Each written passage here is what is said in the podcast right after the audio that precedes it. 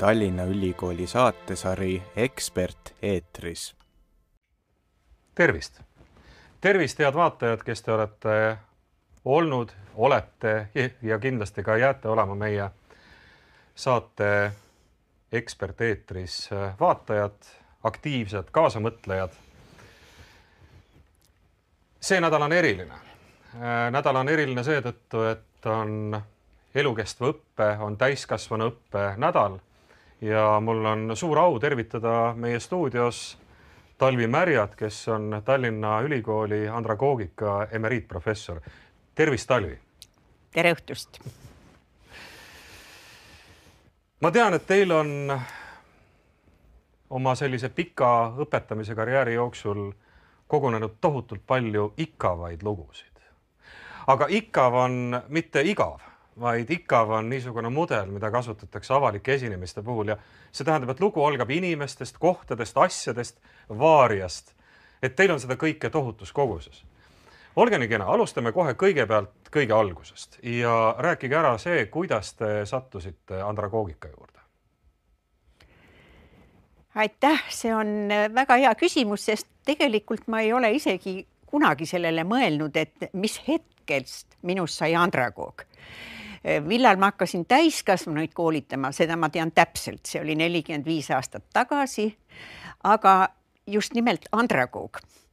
ja ma arvan, et ma võiksin selleks aastaks lugeda siis tuhat üheksasada kaheksakümmend kuus, kui siinsamas Tallinna Ülikoolis, mis sel ajal ei olnud veel ülikool, vaid oli pedagoogiline instituut, asutati andragoogika ja juhtimistöö kateeder ja mina, mul oli siis see au saada selle kateedri juhatajaks. ja see andragoogika kateeder tol ajal oli esimene Nõukogude Liidus. muide, selle sõna andragoogika tõi kateedri nimesse professor, täna emeriitprofessor Ülo Vooglaid. aga kui ma olin seal nüüd paar aastat juba võib-olla ka vähem, aasta või kaks olnud see kateedri juhataja, siis esitati minu dokumendid Moskvasse andragoogika dotsendi kutse saamiseks. no läks natuke aega mööda, mul laua peal telefon heliseb, võtan vastu, küsitakse Talvi Juljusovna vot siis oli isa nimi ka, ma ütlesin, et jaa. vabandage, me helistame Moskvast, et ei, nad ei küsinud, kas Talvi Juljusovna, nad ütlesid, et meil on Talvi Juljusovna dokumendid siin, et talle anda andragoogika dotsendi kutse. aga me ei tea, mis see andragoogika on et me vaatasime järele ja me leidsime, et see on noormeeste kasvatamine meesteks. et kuulge, kas te tõesti õpetate ainult mehi? mina ütlesin, et ei, ei, me ei õpeta ainult mehi, me õpetame ikka naisi ka. aga kuna mina juhuslikult olengi see Talvi Juljusovna, siis palun öelge, kui kaugel siis mu dokumendid on Öeldi, et on valmis, saate kätte. ja teinekord olen ma siis nii-öelda andragoogina tituleeritud, kui mõned head aastad tagasi vabariigi president Arnold Rüütel andis mulle Valge Tähe neljanda klassi ordeni kui andragoog. aga muidu täiskasvanute koolitaja nii-öelda, ega me neid väga lahku ei löö, meil on olnud tuliseid vaidlusi, kas see on erinev, kes on täiskasvanute koolitaja, kes on andragoog. aga igal juhul ma arvan, et ma olen andragoogika emeriitprofessor. Te olete ka värske auhinnatud laureaat, riiklik haridustöötaja eluloo preemia anti teile kätte aasta õpetaja galal milliseid tundeid see tekitas, milliseid mõtteid, milliseid mälestusi see teil esile tõi? jah, ka mitmed, kes minu käest intervjuud tahtsid, küsisid kogu aeg ikka, mis tunne teil oli nagu spordis, nagu spordis. nüüd jõudnud kuhugi vahefinišisse, kihutate edasi et mis tunne on olla vahefinišis? teate, elutööpreemia, ma arvan, ei ole vahefiniš. Eh, see on ikka juba peaaegu finiš, kuigi ma ei tahaks öelda, et ma sellega oma tegevuse päriselt lõpetan. ma loodan väga, et aga mitte. tunne oli tõesti ülev, see oli liigutav ja kui ma seda vastu võtsin, siis äh, ausalt öeldes pärast küll mulle öeldi, et ma läksin sirgelt, aga mul oli niisugune tunne, et mu põlved värisesid ja muide, see Tootsi kuju on nii raske, et seda tuli ikka jõuda hoida ka. ja loomulikult hakkasid mõtlema sellele kogu sellele protsessile, mis on siis nende aastate jooksul selle täiskasvanuhariduse kui valdkonna edendamisse pandud. ja õige on see, et me alustasime sellega kolmkümmend aastat tagasi missioonitundest. ja tegelikult oli lugu veel päris selline, kui veel üks samm tagasi võtta, et kust meil siis see tuli, täiskasvanuharidus. et ma olin saanud aasta varem äh, akadeemik Liimetsalt ta pärandas nii-öelda mulle ja andis edasi kutse Soome ühe suurele täiskasvanuhariduse konverentsile. ja mul õnnestus sinna saada tänu headele kolleegidele siit, kes viisasid välja ajasid ja seal oli siis väikest, mitte väga väikestes gruppides, aga gruppides oli see tutvustusring. ja ma mäletan, et mul oli peopesa spikker inglise keeles, et mida ma siis ütlen, mida ma teen. ja kui minuni jõudis see ring, siis küsiti, mida te siis teete Eestis. ma rääkisin, et meil on väga heal tasemel kvalifikatsiooni tõstmise kursused ma ütlesin, et väga tore, et te õpetate inimesi, kuidas paremini töötada, aga kus te õpetate inimesi, kuidas paremini elada? ja teate, ma tulin tagasi Soomest, võtsin kateedris kõik inimesed kokku ja ütlesin, kallid kolleegid, kus me siis õpetame inimesi paremini elama? ja sellest päevast saati me hakkasime rääkima täiskasvanu haridusest, enam mitte kvalifikatsiooni tõstmisest just ja äh, sel nädalal on, kuna ka täna õnnestus minul äh, pidada üks loeng riski ja kriisikommunikatsiooni teemal äh, ettevõtjatele, kes on kõik täiskasvanud ja tahavad edasi õppida. selle täiskasvanu nädala moto seekord on õnneks on vaja õppida ja kõik, kes on andragoogikaga kokku puutunud, teavad, et selle täiskasvanute õppimise nädala kui sündmuse olete tegelikult teie Eestimaale toonud ja milline lugu see on? see on ka väga põnev lugu. aastal tuhat üheksasada üheksakümmend seitse oli UNESCO viies maailmakonverents Saksamaal Hamburgis. tol ajal meil oli Eesti delegatsioon seal ja oli veel ka Andrase delegatsioon seal ja mina äh, olin esitatud äh, Euroopa Täiskasvanuhariduse Assotsiatsiooni poolt siis redaktsioonikomisjoni liikmeks. ma esindasin Euroopat ja Põhja-Ameerikat. ja mulle oli antud kaasa nagu pioneeri ülesanne. paar aastat varem hakkasid juba inglased tegema täiskasvanu õppenädalat neil oli vist isegi festivali nime all, mul õnnestus käia ka vaatamas sealt. Ja minule anti ülesanne, et ma pean suutma suruda seda lõpuraportisse, et see nädal hakkaks toimuma UNESCO egiidi all. Ja ma pean ütlema, et nende selle drafting committee või, või siis selle redaktsioonikomisjoni istungid olid väga kenad, esimest peaaegu osa ei võtnud, aga me väga hästi saime hakkama ja see oli lõpuraportis sees. oli viimane päev õhtul kõik olid lõppenud. selle konverentsi president või orgkomitee esimees oli Rita Süschmuth, kes oli tol ajal Saksa parlamendi esimees või esinaine.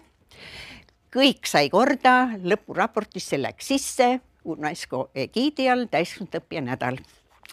lõppes kell kaks öösel äh, inglased olid nii vaimustatud, nad ootasid mind peaaegu kätel tõid hotelli, nii. ja järgmine hommiku kell üheksa kogunes kaks tuhat viissada inimest saali, et arutada lõpuraportit. ja mida seal sees ei olnud, oli täiskasvanud õppija nädal. selle paari tunni jooksul oli siis selle komisjoni esimees suutnud välja võtta selle ja ta võttis veel paar asja, et UNESCO hakkaks koostööd tegema ülikoolidega, aga see ei olnud minu hinge peal. no vot ja siis tuli vaheaeg, et jällegi redaktsioonigrupp tuleks kokku ja teeks parandusi mina muidugi korraliku inimesega, inimesena läksin ka sinna, aga kedagi peale minu liikmeid ei tulnud, ainult komisjoni esimees, sekretär. komisjoni esimees, sekretär oli arvuti lahti, pane see sisse, seda ära pane, see pane sisse, mina ütlesin, see tuleb sisse panna. ja vaadake nüüd, mis ma tegin, see oli kindlasti ahistamine tema ütleb, ma ütlen, see tuleb sisse panna. oh ei, küll ma pärast panen, ma ütlesin, see tuleb sisse panna. ei, ma ei saa praegu saab küll ma, ma olin tõesti niimoodi, et ta oli lühikes ka. ja saigi, ja sai, saigi sisse. sai sisse, hääletati sisse ja üks aasta hiljem, üheksakümmend kaheksa, ma olin ka UNESCO peakonverentsil, kus mul tuli uuesti seista selle eest, et ta oleks ka UNESCO lõppraportis, mitte ainult täiskasvanu kongressi. ja siis ma tulin jälle koju ja ütlesin, no kuulge, kui ma juba niisuguse asja ära võitlen, me peame hakkama ka tegema. meil pole raha, muidugi ei olnud teised riigid rääkisid, meil on seal ikka miljon eurot või miljon naela, seal saa-, muidugi inglased olid, ma ütlesin, et raha polegi vaja, meil on vaja tegutseda ja me hakkasime. täiskasvanud õppija nädal, esimene aastal tuhat üheksasada üheksakümmend kaheksa, jällegi täiesti missioonitundest, vabatahtlikult, hasardiga ja toimub siiamaani. see oli mu jälle järgmine lugu, nii et mul on neid lugusid nii palju, et head vaatajad, meil on täna stuudios külas saates Eksperteetris Talvi Märja, kes on Tallinna Ülikooli emeriitprofessor just andragoogika alal ja kümneid aastaid äh, koolitanud täiskasvanuid, nii et kui teil on küsimusi, mida te tahate talle nüüd ja kohe ja praegu esitada, mil me oleme otse-eetris, siis olge nii kena, kirjutage kas Zoomi lingi alla või siis meie näoraamatusse Eksperteetris ja me saame neid küsimusi ka kohe eh, Talvi käest küsida. Eh, selles mudelis IKAV on kohad, on teisena, me oleme natuke rääkinud inimestest, asjadest. olge nii kena, eh, öelge, mis on olnud kõige eriskummalisemad paigad, kus te olete täiskasvanuid koolitanud?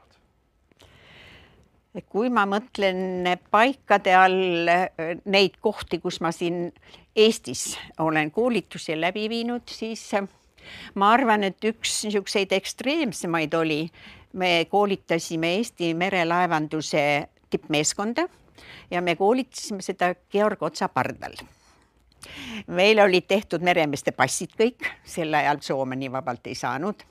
ja nii me siis seal koolitasime, kuigi sinnasõit oli päris ladus, tagasi tulles oli päris kõva torm. igal juhul seal üleval reeling, kus ma, mitte reelingul, aga seal äh, kuskil kabinetis, kus või ruumis, kus see lõppkokkuvõte toimus, ma hoidsin kahe käega kahe poolt kinni ja ütlesin, et igal juhul mina praegu teist küll üle ei ole te,, teie olete üle minust, eks ole.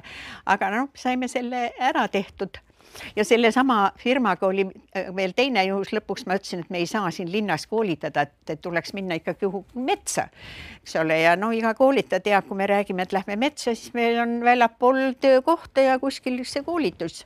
Ja oli talv, külm, pakane meid pandi bussi, sõitsime kuhugi Loksa kanti, selgus pioneerlaagrisse, pandi meid ühte pioneerlaagri majakesse, seal olid niisugused sentimeetri jämedused praod seinte vahel.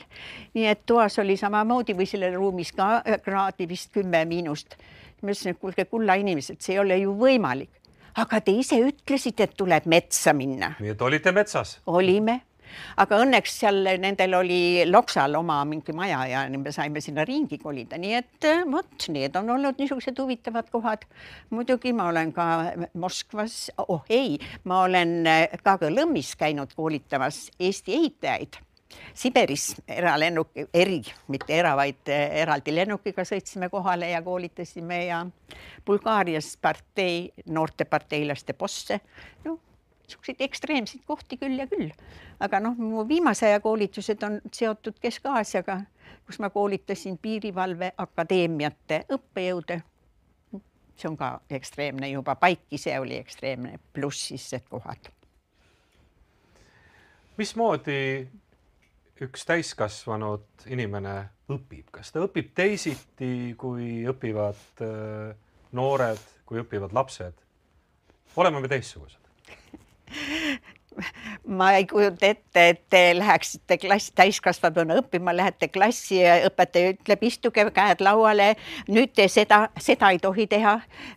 käsud, keelud ja põhimõtteliselt, kui me vaatame esimesi klassidest ja ülespoole, siis nad õpivad ju tegelikult teatud õppeained peavad selgeks saama ja selle eest peavad nad saama õpetajalt ka hinde, et nad on selgeks saanud või vähemalt ära õppinud, kas nad selgeks on saanud, see ei ole ka veel päris kindel. aga täiskasvanud inimene, kui me räägime nüüd äh, ikkagi täiskasvanutele õppest väljapool, ütleme formaalharidust, kuigi kuigi ka ülikoolis on, on loomulikult, et seda ja neid meetodeid, mida kasutatakse täiskasvanuõppes, võib rahumeeles ja kindlasti kasutatakse ka, eriti tänapäeval just ka kõrgkoolides.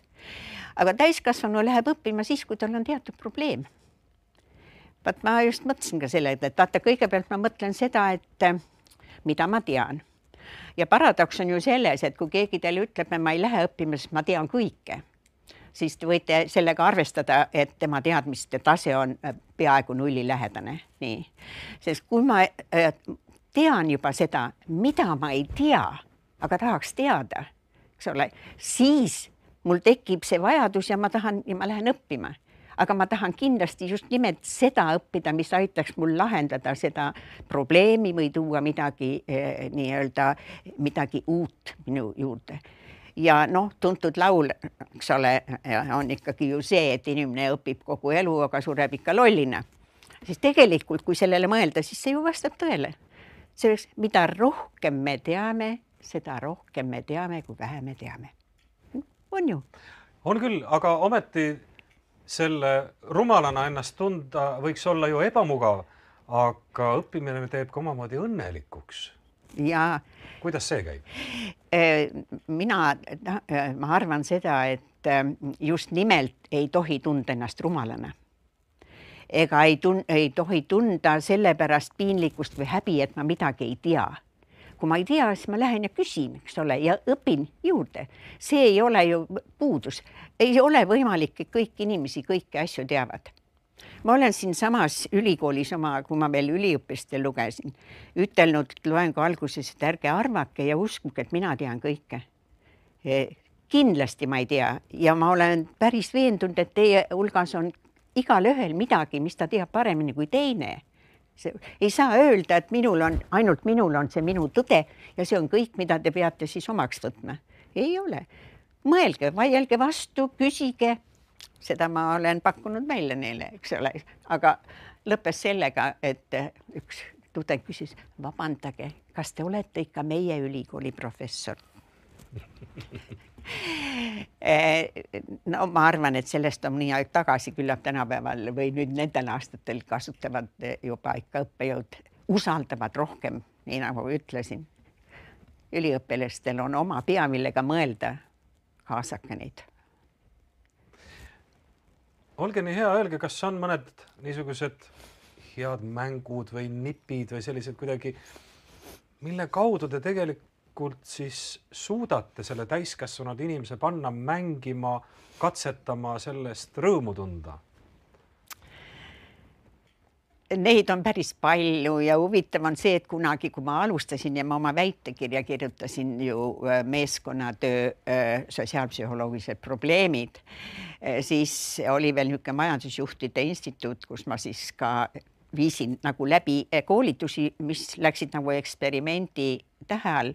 Ja kui see koolitus lõppes, siis mulle kingiti kabe ja öeldi, et, et noh, te ju tahate mängida, et mängige nüüd, eks ole.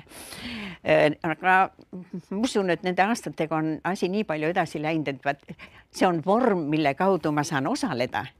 ja, ja mul ei ole piinlik, kui ma seal eksin, sest see on ju mäng, me ju mängime, eks ole, ja see annab võimalust kaasata kõiki, sest kui on niisugune äh, suuline diskussioon või arutelu, siis sageli on niimoodi, et äh, mõned inimesed pelgavad, nad ei julge küsida nii, ja seepärast äh, mina olen äh, äh, ka eriti, kui me seal Kesk-Aasias olime, praktiseerime seda, et me panime ikka vähemalt kaks kokku või mitte kolm. et esitage koos küsimus. et omavahel arutades julgeb ka see tagasihoidlik midagi öelda, et kuule, küsime või arutame seda ja siis teine küsib. nii et igal juhul tuleb, ei, saa öelda, et, et see on midagi, kui ta küsib niimoodi, nagu ta ei teaks või et seda peab piinlikkust tundma muidugi sõltub sellest, kes on õppejõud või koolitaja, kes läbi viib, kuidas ta sellesse suhtub ja kuidas ta teeb selgeks, et see on normaalne asi ei ole võimalik kõike teada kõigil. Te rääkisite ka lugu sellest, kuidas me olime enne kohvikus ja ajasime juttu, et kuidas te, kuidas te Tehnikaülikoolis õpetama minnes saite tegelikult alguses probleemi kirjelduse. et mingil hetkel täiskasvanu, kes on haritud ja oma valdkonnas väga hea, tunneb, et aga midagi jääb puudu ja see oli ähm, selles mõttes ka jällegi unikaalne, et Tehnikaülikooli viidi sisse psühholoogia loengud aga, aga see oli, ma olin täiesti algaja õppejõuna siis ja valmistasin väga korralikult ja konspektid ja rääkisin kõik ja nii ja naa. aga probleem, mis oli nendel äh, üliõpilastel, kes tegelikult äh, nagu hakkasid mingeid mõtteid arendama, oli see, et nad, ma olen küll oma valdkonnas tunnen hästi valdkonda, aga ma ei oska suhelda. Ma isegi telefoniga, mõni ütles, ma ei julge telefoniga helistada ja ma oma kolleegidega rääkida ja et ma peaks õppima suhtlema ja sellepärast see psühholoogia pandi sinna. aga ma muidugi algaja õppejõuna hakkasime siis rääkima, mis see psühholoogia on ja mis sellest teha ja lõpus, sava lõpus jõudsime siis selle juurde, mis neid huvitab ja aga nii palju ma sain esimese poole aastaga targemaks, et siis ma otsustasin, et ma keeran programmi ringi sest lõpus oli just suhtlemine, koostöö, kõik isiksuse enesetundmine ja nii edasi. ja kui siis eh, kümnendal jaanuaril külmas auditooriumis eh, oli vooruloengul kohal kümme üliõpilast, ma ütlesin, et e-, ega mind, ärge tulge, kui te tahate öelge kõigile edasi, ärgu tulgu loengule, sellepärast et ega nad minu pärast ei käi. kevadel saavad arve- või eh, kevadel jah, see oli kevadel, saavad ikkagi arvestuse kätte aga see pani mulle niisuguse vastutuse, et ma pidin oma need eh, loengud, mis ei olnud enam loengud, vaid õppuse nii ümber korraldama, et nad saaksid seda, mis neid huvitas. Ma panin neid suhtlema ja koostööd tegema ja, ja tegema teste ja et nad said igaüks iseenda kohta teada midagi. ja siis juhtus täiesti kurioosne lugu, et niimoodi, et viies kursus hakkab, peab juba diplomit tegema, nemad tulevad kursusele eks ole, õppima ja ma küsisin dekanaadist, kuulge, mis üliõpilased teil niisugused on? ei, ei, te räägite mõnest teisest eh, ülikoolist. meil kõik õppejõud ütlevad, et üldse enam loengutel ei käida. vaat sel ajal pidi käima, täna ei pea enam käima. Nojah, siis ma nägingi, tulid minu loengule nagu demonstratsioonile, nelikümmend noormeest tulid ja kõik, aga ma noh, ma pakkusin neile seda, mida, millest nad olid huvitatud ja ma kaasasin neid, nad tegutsesid Nad ei pidanud kuulama minu loengut või midagi, et vaat nii on õige, vaid me tegime ja nad ise nägid, mis on õige. aga ärge jumala eest keegi järele seda eksperimenti tegema hakake, sellepärast et iga situatsioon, igad inimesed äh,, nii õppijad kui õpetajad on unikaalsed ja mitte midagi siin korrata ei saa. ma arvan, et ma ise ka ei saaks enam seda korrata. see oli see lugu, jah. seda on vist peaaegu võimatu kirjeldada, et mismoodi või olete te mõnikord tagasi vaadanud mõnele eriti õnnestunud koolitusele, mõelnud, et aga huvitav, mil, mil moel ma tegelikult tabasin selle tunde nendega ära või, või millisest hetkest hakkasid need täiskasvanud inimesed, kes on reserveeritud ja kõik on targad ja kõik on hästi tähtsad, räägivad tähtsate sõnadega omas keeles.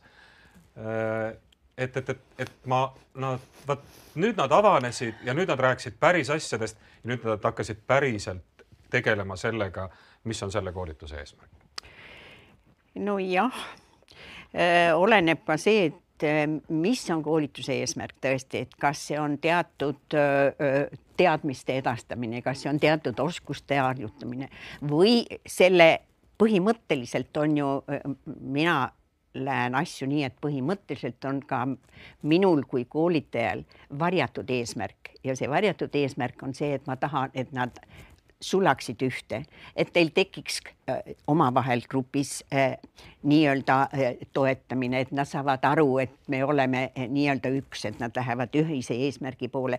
et see niisugune sotsiaalne pool, mis on tegelikult ääretult oluline, seepärast et kui igaüks tunneb ennast seal auditooriumis või kus see õppus läbi viiakse üksinda, siis eh, on väga raske, et ta ka midagi võtab. aga eh, grupi mõju on, see on tõesti uskumatult suur, mida grupp ära teeb, kui ma ei suuda teha, siis ma tean, mismoodi gruppi mõjutada, et grupp ise oma teisi liikmeid kaasab ja toob eh, nii-öelda sellesse ringi kaasa. nii et ega, ega ikka niimoodi konkreetselt küll ei saa öelda, et ma teen, teen ja oh, vaat nüüd käis plõks ja nüüd ma saan aru, et nad hakkavad tegema. aga eh, muidugi kõik on ka see, mis siis pärast juhtub ja mismoodi keegi pärast ütleb ja, ja täiesti üllatav lugu juhtus mul praegusel hetkel just meenus sel suvel äh, saatis mulle meilile või meili üks äh, härra, ütleme siis härra, keda ma olin õpetanud just siis, kui ma olin Mainoris ja me tegime neid meeskonnatreeninguid ja ta oli ühes kergetööstuse firmas tippjuhtkonnas ja oli sellel koolitusel. ja ta kirjutas mulle nüüd aastakümneid hiljem ja ütles, teate, Talvi, ma alles nüüd hiljaaegu tagasi mõistsin seda, mis oli see, mida te tegite ja mida me tegelikult seal saavutasime, sest sel korral oli muidugi täiesti unikaalne, sest eh, peadirektor tõusis meeskonnakoolituse lõpus ülesse ja ütles, teate, kallid kolleegid, teil on õigus, mina eksisin. see on võrratu. see, eks ole, et ta mõistis selle käigus oma kolleegidega koos tehes või olles seda, et neid võib usaldada ja et neil on õigus ja et peadirektor võib ka eksida. ja organisatsioon läks pärast edasi tervemana ja tugevamana, meeskond oli ühtsem. kindlasti, kindlasti nii et ähm, seda hetke ma küll ei, ei saa öelda, et ma, ma, ma loen nüüd üles kaks, kolm, neli või viis niisugust loengut, kus ma tean või niisugust koolitust, ütleme mitte loengut, loengut ma ei taha üldse rääkida sõnaga loeng, kus oleks nii, et sa järsku taipad, et voh. aga noh, kui üldiselt sa tunnetad gruppi ja näed seda, eks ole.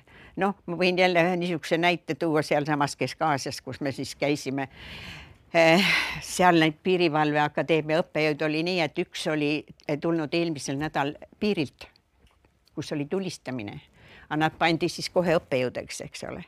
ja ta tuli siis sinna koolitusele ja kui me esimesel päeval siis nii-öelda püüdsin neile näidata, mida me tahaksime teha ja, ja missugused võiksid olla selle koolituse lõppväljundid ja nii edasi. siis iga minu, ta istus peaaegu või istuski mu kõrval, ma arvan, aga iga kolme lause järel ta ütles, me oleme sõjaväelased ja ma ütlesin, et kulla mees, et kas sõjaväelane ei ole inimene siis või?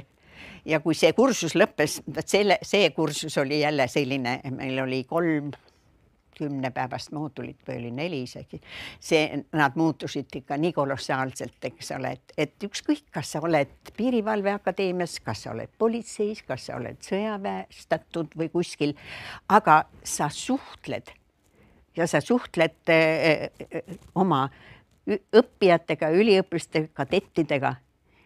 ükskord juhtus meil sealsamas niimoodi pärast esimest päeva, teisel päeval üks õppejõud ei olnud kohal, ta jäi hiljaks. tuleb, jääb hiljaks, ütleb, naerab suure näoga, ütles, et teate, mis juhtus. ma pidin minema akadeemiast läbi ja mul tuli üliõpilane mu käest midagi või kadett õigemini midagi küsima. ja ta kasutas juba meil esimesel päeval öeldud, et suhelge nendega nagu võrdsetega, eks ole ja ta suhtles ja ütles, kadett ehmastas niimoodi ära, et ta umbes samamoodi küsis, et kas teiega on midagi juhtunud, eks ole. et, et vaadake, see käitumise mall peab olema ikka niimoodi, et inimene suhtleb inimesega aga mitte hierarhias kuskil pagunite järgi. täna on kindlasti kergem seletada seda tänu teie aastakümnete pikkusele tööle ja teie kolleegide aastakümne pikkusele tööle seda, et miks täiskasvanud inimene peaks õppima. Ehm, mida, mida see üldse tähendab, et täiskasvanud inimene õpib, aga, aga millisel moel te olete selle saavutanud ja millised raskused olid siis alguses üldse selgeks teha nii, ma ei tea, poliitilisele eliidile kui ka näiteks ajakirjanduse esindajatele, et, et see on üldse teema, millest peaks rääkima või ennast siduma ja, ja te mainisite ajakirjandust, sest meedia ei olnud päris palju aastaid huvitatud, kui me alustasime eh, kõigepealt täiskasvanuhariduse foorumitega ja siis hakkasime täisõppija nädalat tegema. Ja küll me püüdsime meediat küll äh, kirjutavat, küll siis ka näit-, pilti näitavat ja nii edasi, aga raske, aga me isegi, me, mida me tegime, me korraldasime nendele õppusi me võtsime nad kokku ja viisime kohe niisugused mitmepäevased läbi, me olime vist seal Nõmal või kuskil sealpool kandis ja ja rääkisime nendele. tähendab, kui inimene saab, hakkab asjale pihta saama, et mis see on ja miks on, eks ole.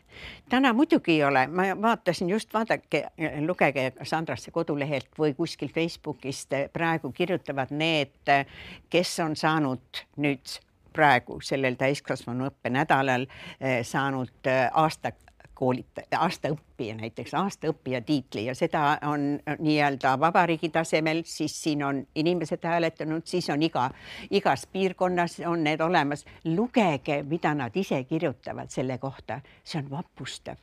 Mida õppimine on nendega nii-öelda teinud, kui õnnelikud nad on, kuidas nad on vahetanud eh, oma ka osa on nendest vahetanud ka oma elukutset ja hoopis teisele ala läinud, osa on niimoodi vallandatud meesterahvas, kes läks õppima ja lõi pärast seda oma firma, on väga edukas ja seal on selliseid edulugusid ja ja nad säravad kõik, nad on niivõrd õnnelikud, eks ole, et nad võtsid vastu selle otsuse, kuigi see samm, esimene samm on kindlasti raske ma arvan, et see on sama raske, kui Erki Nool rääkis tervisespordist, et mis on seal kõige raskem osa. ta ütles, et kõige raskem on tõusta diivanilt ja minna välisukseni. õige ja ka õppimise puhul on niimoodi, eks ole, et kas ma ikka lähen, äkki olen liiga vana, äkki, äkki ma noorematega ei lähe. ma lugesin eile just Anne Veesaar kirjutas sellest, kuidas ta läks õppima Tartu Ülikooli tal oli just puusaoperatsioon olnud, ta läks karkudega, ta on kakskümmend aastat või kolmkümmend vanem nendest, ta ütles, et jumal, ma mõtlesin, et, et kuidas nad naeravad välja, sest mitte midagi sellist ei olnud, võeti kohe omaks, kõik on see nii, et see vanusevahe isegi ei loe. nii palju inimesi on, kes läheb, eks ole, noh tore on see, et mm, mõned, kes on noorte seas nagu iidolid, on selle tee ette võtnud, no nagu näiteks Tanel Padar, eks ole, kes on ka selle täisõppe nädalal meil alati ka nüüd väljas, eks ole, kes kunagi jättis pooleli omal ka keskkooli ja nii, või ka mõned teised, võtke Toivo Tänavsuu, läks arstiks õppima. Ütles küll, et, et sõbrad ütlesid, et no täiesti hull, niisuguses vanuses sa lähed arstiks õppima, eks ole, kusjuures ta on alla neljakümne vana ja nii edasi. et ähm, see on, see on niivõrd, ma ei oska öelda, magnet tõmbab külge või see ei ole, et ma ütlen, et kuulge, minge või et noh, et teine läks, et noh, et kadedusest ma lähen ka, ei ole. See on ikka hea eeskuju, me näeme häid eeskujusid, täna nendest räägitakse ja kui me näeme, et kellelgi on hea olla, mõtle huvitav, mida ta teeb sellist, et tal on nii hea olla, käib ja naeratab kogu aeg.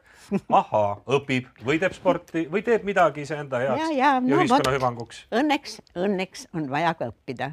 ma paneks siia on ka vaja, seepärast et ainult õppimisest ehk ei piisa õnneks, aga õppimine aitab kindlasti õnnele kaasa, jah. esimesed sammud oli nüüd juba nõuandena ära ka antud, et et tuleb diivanilt püsti tõusta. Ja tuleks huvi tundma hakata selle vastu, et milline see kirev maailm ümberringi on, aga kas veel? Äh, on teil mingeid häid selliseid soovitusi täiskasvanule, kes mõtleb, et aga õppimine, aga milleks, aga mis see mulle annab? no ja vaat need inimesed tavaliselt mõtlevadki, et ma niikuinii tean eks ole, ma tean niikuinii kõike, mida ma ikka õpin, eks ole. Ehm, jah, see peab tulema seesmine soov. see täiskasvanud õppija motivatsioon on seesmine motivatsioon kui laste ja noorte puhul vähemalt on kohustus algus õppida ja siis vanemad suunavad, et sa pead õppima ja, ja nii edasi või noh, siis kunagi tuleb juba see soov kuhugi jõuda või karjääri teha. aga kui mul on need kõik juba olemas, siis, siis see peab olema ikkagi niisugune seesmine põlemine ja need, kes õpivad, need õpivad kogu aeg, eks ole, ma arvan ise ka, et ma olen küll õpetanud nelikümmend viis aastat, aga ma olen tunduvalt kauem õppinud, ma olen kogu aeg õppinud, kogu aeg õppinud ja, ja, ja nii. kusjuures minul ei ole olnud au olla statsionaarne üliõpilane kunagi. ma olen oma kõrg, mõlemad kõrgharidused saanud kaugõppes õppides, ma olen eksternina teinud oma väitekirja Leningradi ülikoolis ja kunagi sel teemal äh, väidelnud ka Riigikogus haridusministriga, kes ütles, et äh, kaugõppe teel saavutatud haridus ei ole mingi väärtus.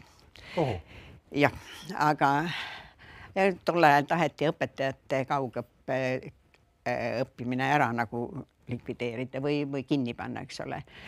aga kõik sõltub inimesest endast, mitte sellest, et kas ma istun iga päev seal koolipingis või ma õpin, eks ole, siis kui ma saan, mina pidin tööd tegema, sest teist võimalust ei olnud. ma olin tennisetreener kakskümmend aastat nii et minu esimene eluetapp on hoopis seotud spordiga, siis tuli see juhtimise ja mainori aeg ja siis tuli alles ülikooli aeg terves kehas terve vaim, see on teil aidanud ka õpetada ja õppida, ma olen täitsa veendunud. no muidugi, selge pilt et nii ta on jah mm. -hmm. Te olete tänasel hetkel rahul selle puu või põõsa või lillega, mis on äh, teie nii-öelda seemnest, äh, istutatud seemnest kasvama läinud? jah. lühike vastus on jah. ma usun, et Eh, on väga palju kolleege, isegi täna aktiivseid, kellega ma koos alustasin, kes on minu kõrval olnud, kes on minu tööd edasi viinud, kes täna teevad nii ülikoolis kui ka väljapool seda, ütleme kogu see Andrase poolt, see hariduspoliitiline osa. ega siis täiskasvanuse haridus ei ole ainult see, et me istume ja õpime, vaid sellega paralleelselt käib ju ka kogu see hariduspoliitika, mis peab toetama seda, eks ole, alates sellest, et kui me tegime täiskasvanute koolituse seaduse või elukestva õppe strateegia, kui koolitad neid, kes peavad koolitama, et kõik need on ääretult vajalikud asjad. võib-olla, kui ma mõtlen sellele, et ma ootaks, et ehk tänapäeval keegi ka natuke rohkem teeb niisugust analüüsi ja, ja nagu uuringut, uuringuid selle kohta, mis siis ikkagi toimub. Ja, ja mingeid järeldusi, sest ma arvan, et need bakalaureusetööd on suhteliselt niisugused kitsad ainult valdkonnad, magistritööd natukene juba ka laiemad, aga, aga noh, võiks ka sinna doktori poole minna, sest ma ise olen niisugune austaja, et ikka silmaring läheb ka kõrgemalt, eks ole, mida rohkem sa püüad kõrgemale minna, seda noh, nii-öelda üldiselt haritum sa siis ka oled.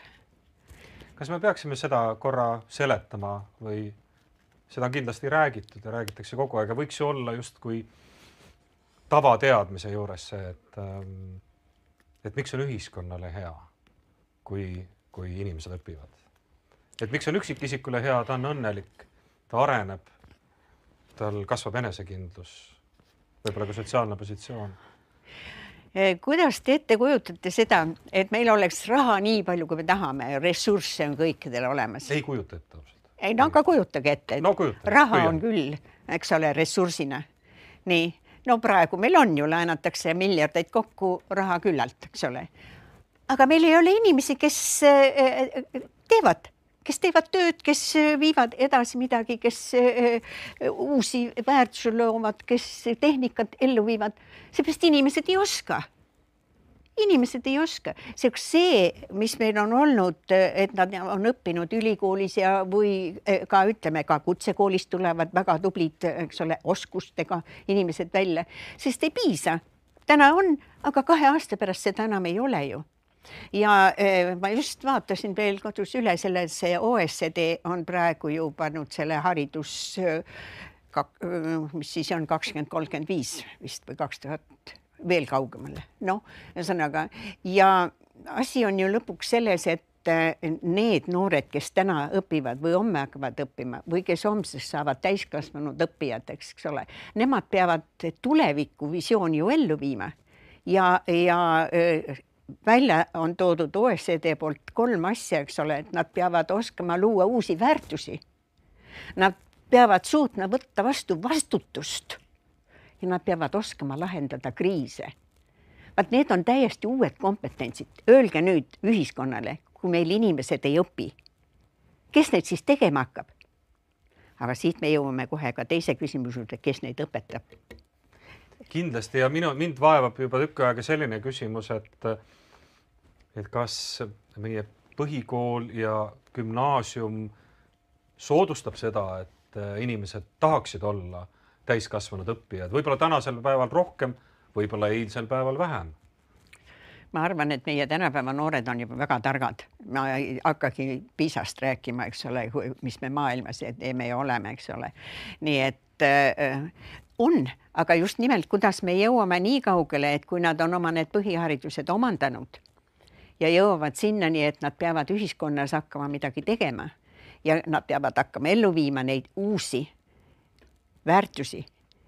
Ja seda, mis juhtub, eks ole, me teame väga hästi, on see looduskeskkond, majanduskeskkond ja sotsiaalne keskkond, eks ole, kliima muutub, kes oskab täna seda öelda, tuleb õppida. tehnoloogia ja tehnika meeletu. Ja väga suur äh, roll on ka sellel, et meil on need praegu need rahvaste liikumised ja migratsioonid ja need, vaadake, kuidas kultuurid segunevad nii-öelda. Ja kuidas selles äh, niisuguses üldises liikumises säilitada oma privaatsust. muide, see on ka üks punkt, millele rõhutakse. kuidas aidata inimesel säilitada tema privaatsust, aga mina ja teie kui koolitajad peaksime inimesi aitama aga kui ma ei oska seda, sellepärast et meil ei ole neid kompetentse endal ka täna, mina ikka püüan kolleegidele öelda, et meil on vaja täiskasvanute koolitajatele ka uusi kompetentse, et nad suudaksid neid inimesi, kes vajavad tulevikus uusi kompetentse, ka õpetada. selleks õpe läheb rohkem äh, personaalseks või individuaalseks, mitte niivõrd äh, grupipõhiseks, see on ka oluline, eks ole, et peab olema üldine taust, lai põhi ja siis on need sambad, nii seda, millele igaüks nagu võiks ennast pühendada. nii et see tulevik, te näete seda rohkem sellisena, et me, õpe toimub nende siis loetletud kompetentside tõstmiseks just pigem sellisel individuaalsel meetodil ma arvan, et individuaalse õppe ja personaalse õppe, ma loen neid erinevalt siiski, eks ole, eh, on, eh, ma võtan selle enesearengu subjekt ja individuaalne, kui ma päris üksi olen, aga personaalne võib olla ka grupis, kui mul on erinevad inimesed, aga ma lähenen nendele personaalselt et eh, ma pean kahjuks ütlema, et ega mina ennast sellel alal ei saa küll kompetentseks lugeda. Ma usaldan siin oma järeltulijaid ja nooremat põlvkonda, kes peavad sellega siis tegelema hakkama, et see, see on ikkagi väga oluline. Ja ma ei usu, et meil need eh, grupi eh, nii et koolitused ära kaovad. Aga personaalne ja individuaalne lähenemine peab selle kõrvale tulema ja muidugi teeb see koolitaja elu tunduvalt raskemaks, kui mul on küll grupp, aga ma pean personaalselt teadma igaühe eesmärki, mida ta tahab saada, kuhu ta tahab jõuda, sest nad on kõik erinevad, eks ole, ja ma pean suutma nüüd seda oma õpet või õpetust või koolitust niimoodi üles ehitada, et mitte grupp ei saaks suhelda ja öelda pärast, et väga tore oli, vaid et igaüks ikkagi saaks. see on väga keeruline, see on tõesti keeruline, aga ju ta nii on. ja muidugi individuaalõpe ka, eks ole, see on selge, eks ole, aga selleks ei pea minema alati õppejõu või õpetaja või koolitaja juurde, selleks võid lööd tänapäeval lahti interneti ja, ja otsid sealt neid võimalusi just nimelt, meil on tulnud ka üks küsimus, äh, mis on praeguses Eestis täiskasvanuhariduse roll. me oleme seda küll tegelikult äh, läbi varasemate küsimuste puudutanud ja ja, ja sellest rollist rääkinud, aga aga roll võib-olla kui sõna annab meile veel mingeid võtmeid siia juurde. ma ei oskagi öelda, et täiskasvanuharidusel võiks olla mingi nagu roll. ma pigem ütleks siis niimoodi, et milline koht tal on teiste haridusliikide kõrval, eks ole. väga ilus ümbersõnastus, palun. nojah, sellepärast et äh, see on väärarvamus, et kui inimene saab kaheksateist või, või võib-olla kuusteist juba kuskil, et ta siis on täiskasvanud ja kui ta sel hetkel õpib gümnaasiumis, siis ta on juba täiskasvanud õppija. See ei ole tõsi, eks ole, et täiskasvanute õpe on ikkagi formaalhariduse kõrval rohkem, kuigi ka äh, täiskasvanud õpivad ka ütleme, no ta on omaette valdkond, nii.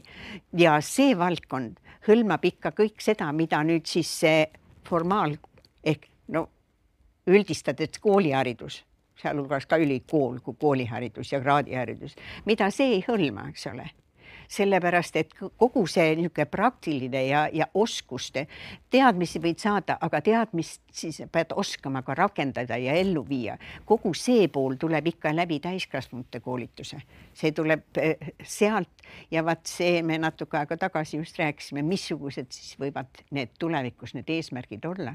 see ongi see, see täiskasvanu äh, tuua juurde, mitte ega ta mingil juhul ei asenda äh, seda formaalharidust ega ega neid koolis käimisi.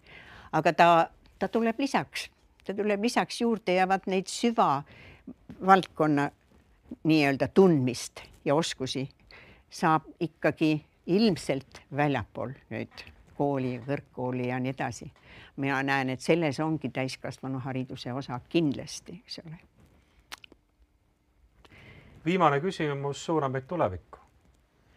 kas see koht see roll, see koht, kas see koht suureneb inimeste elus, õppimise koht nende enda elus ja seega ka siis täiskasvanu koolituse koht ühiskonnas?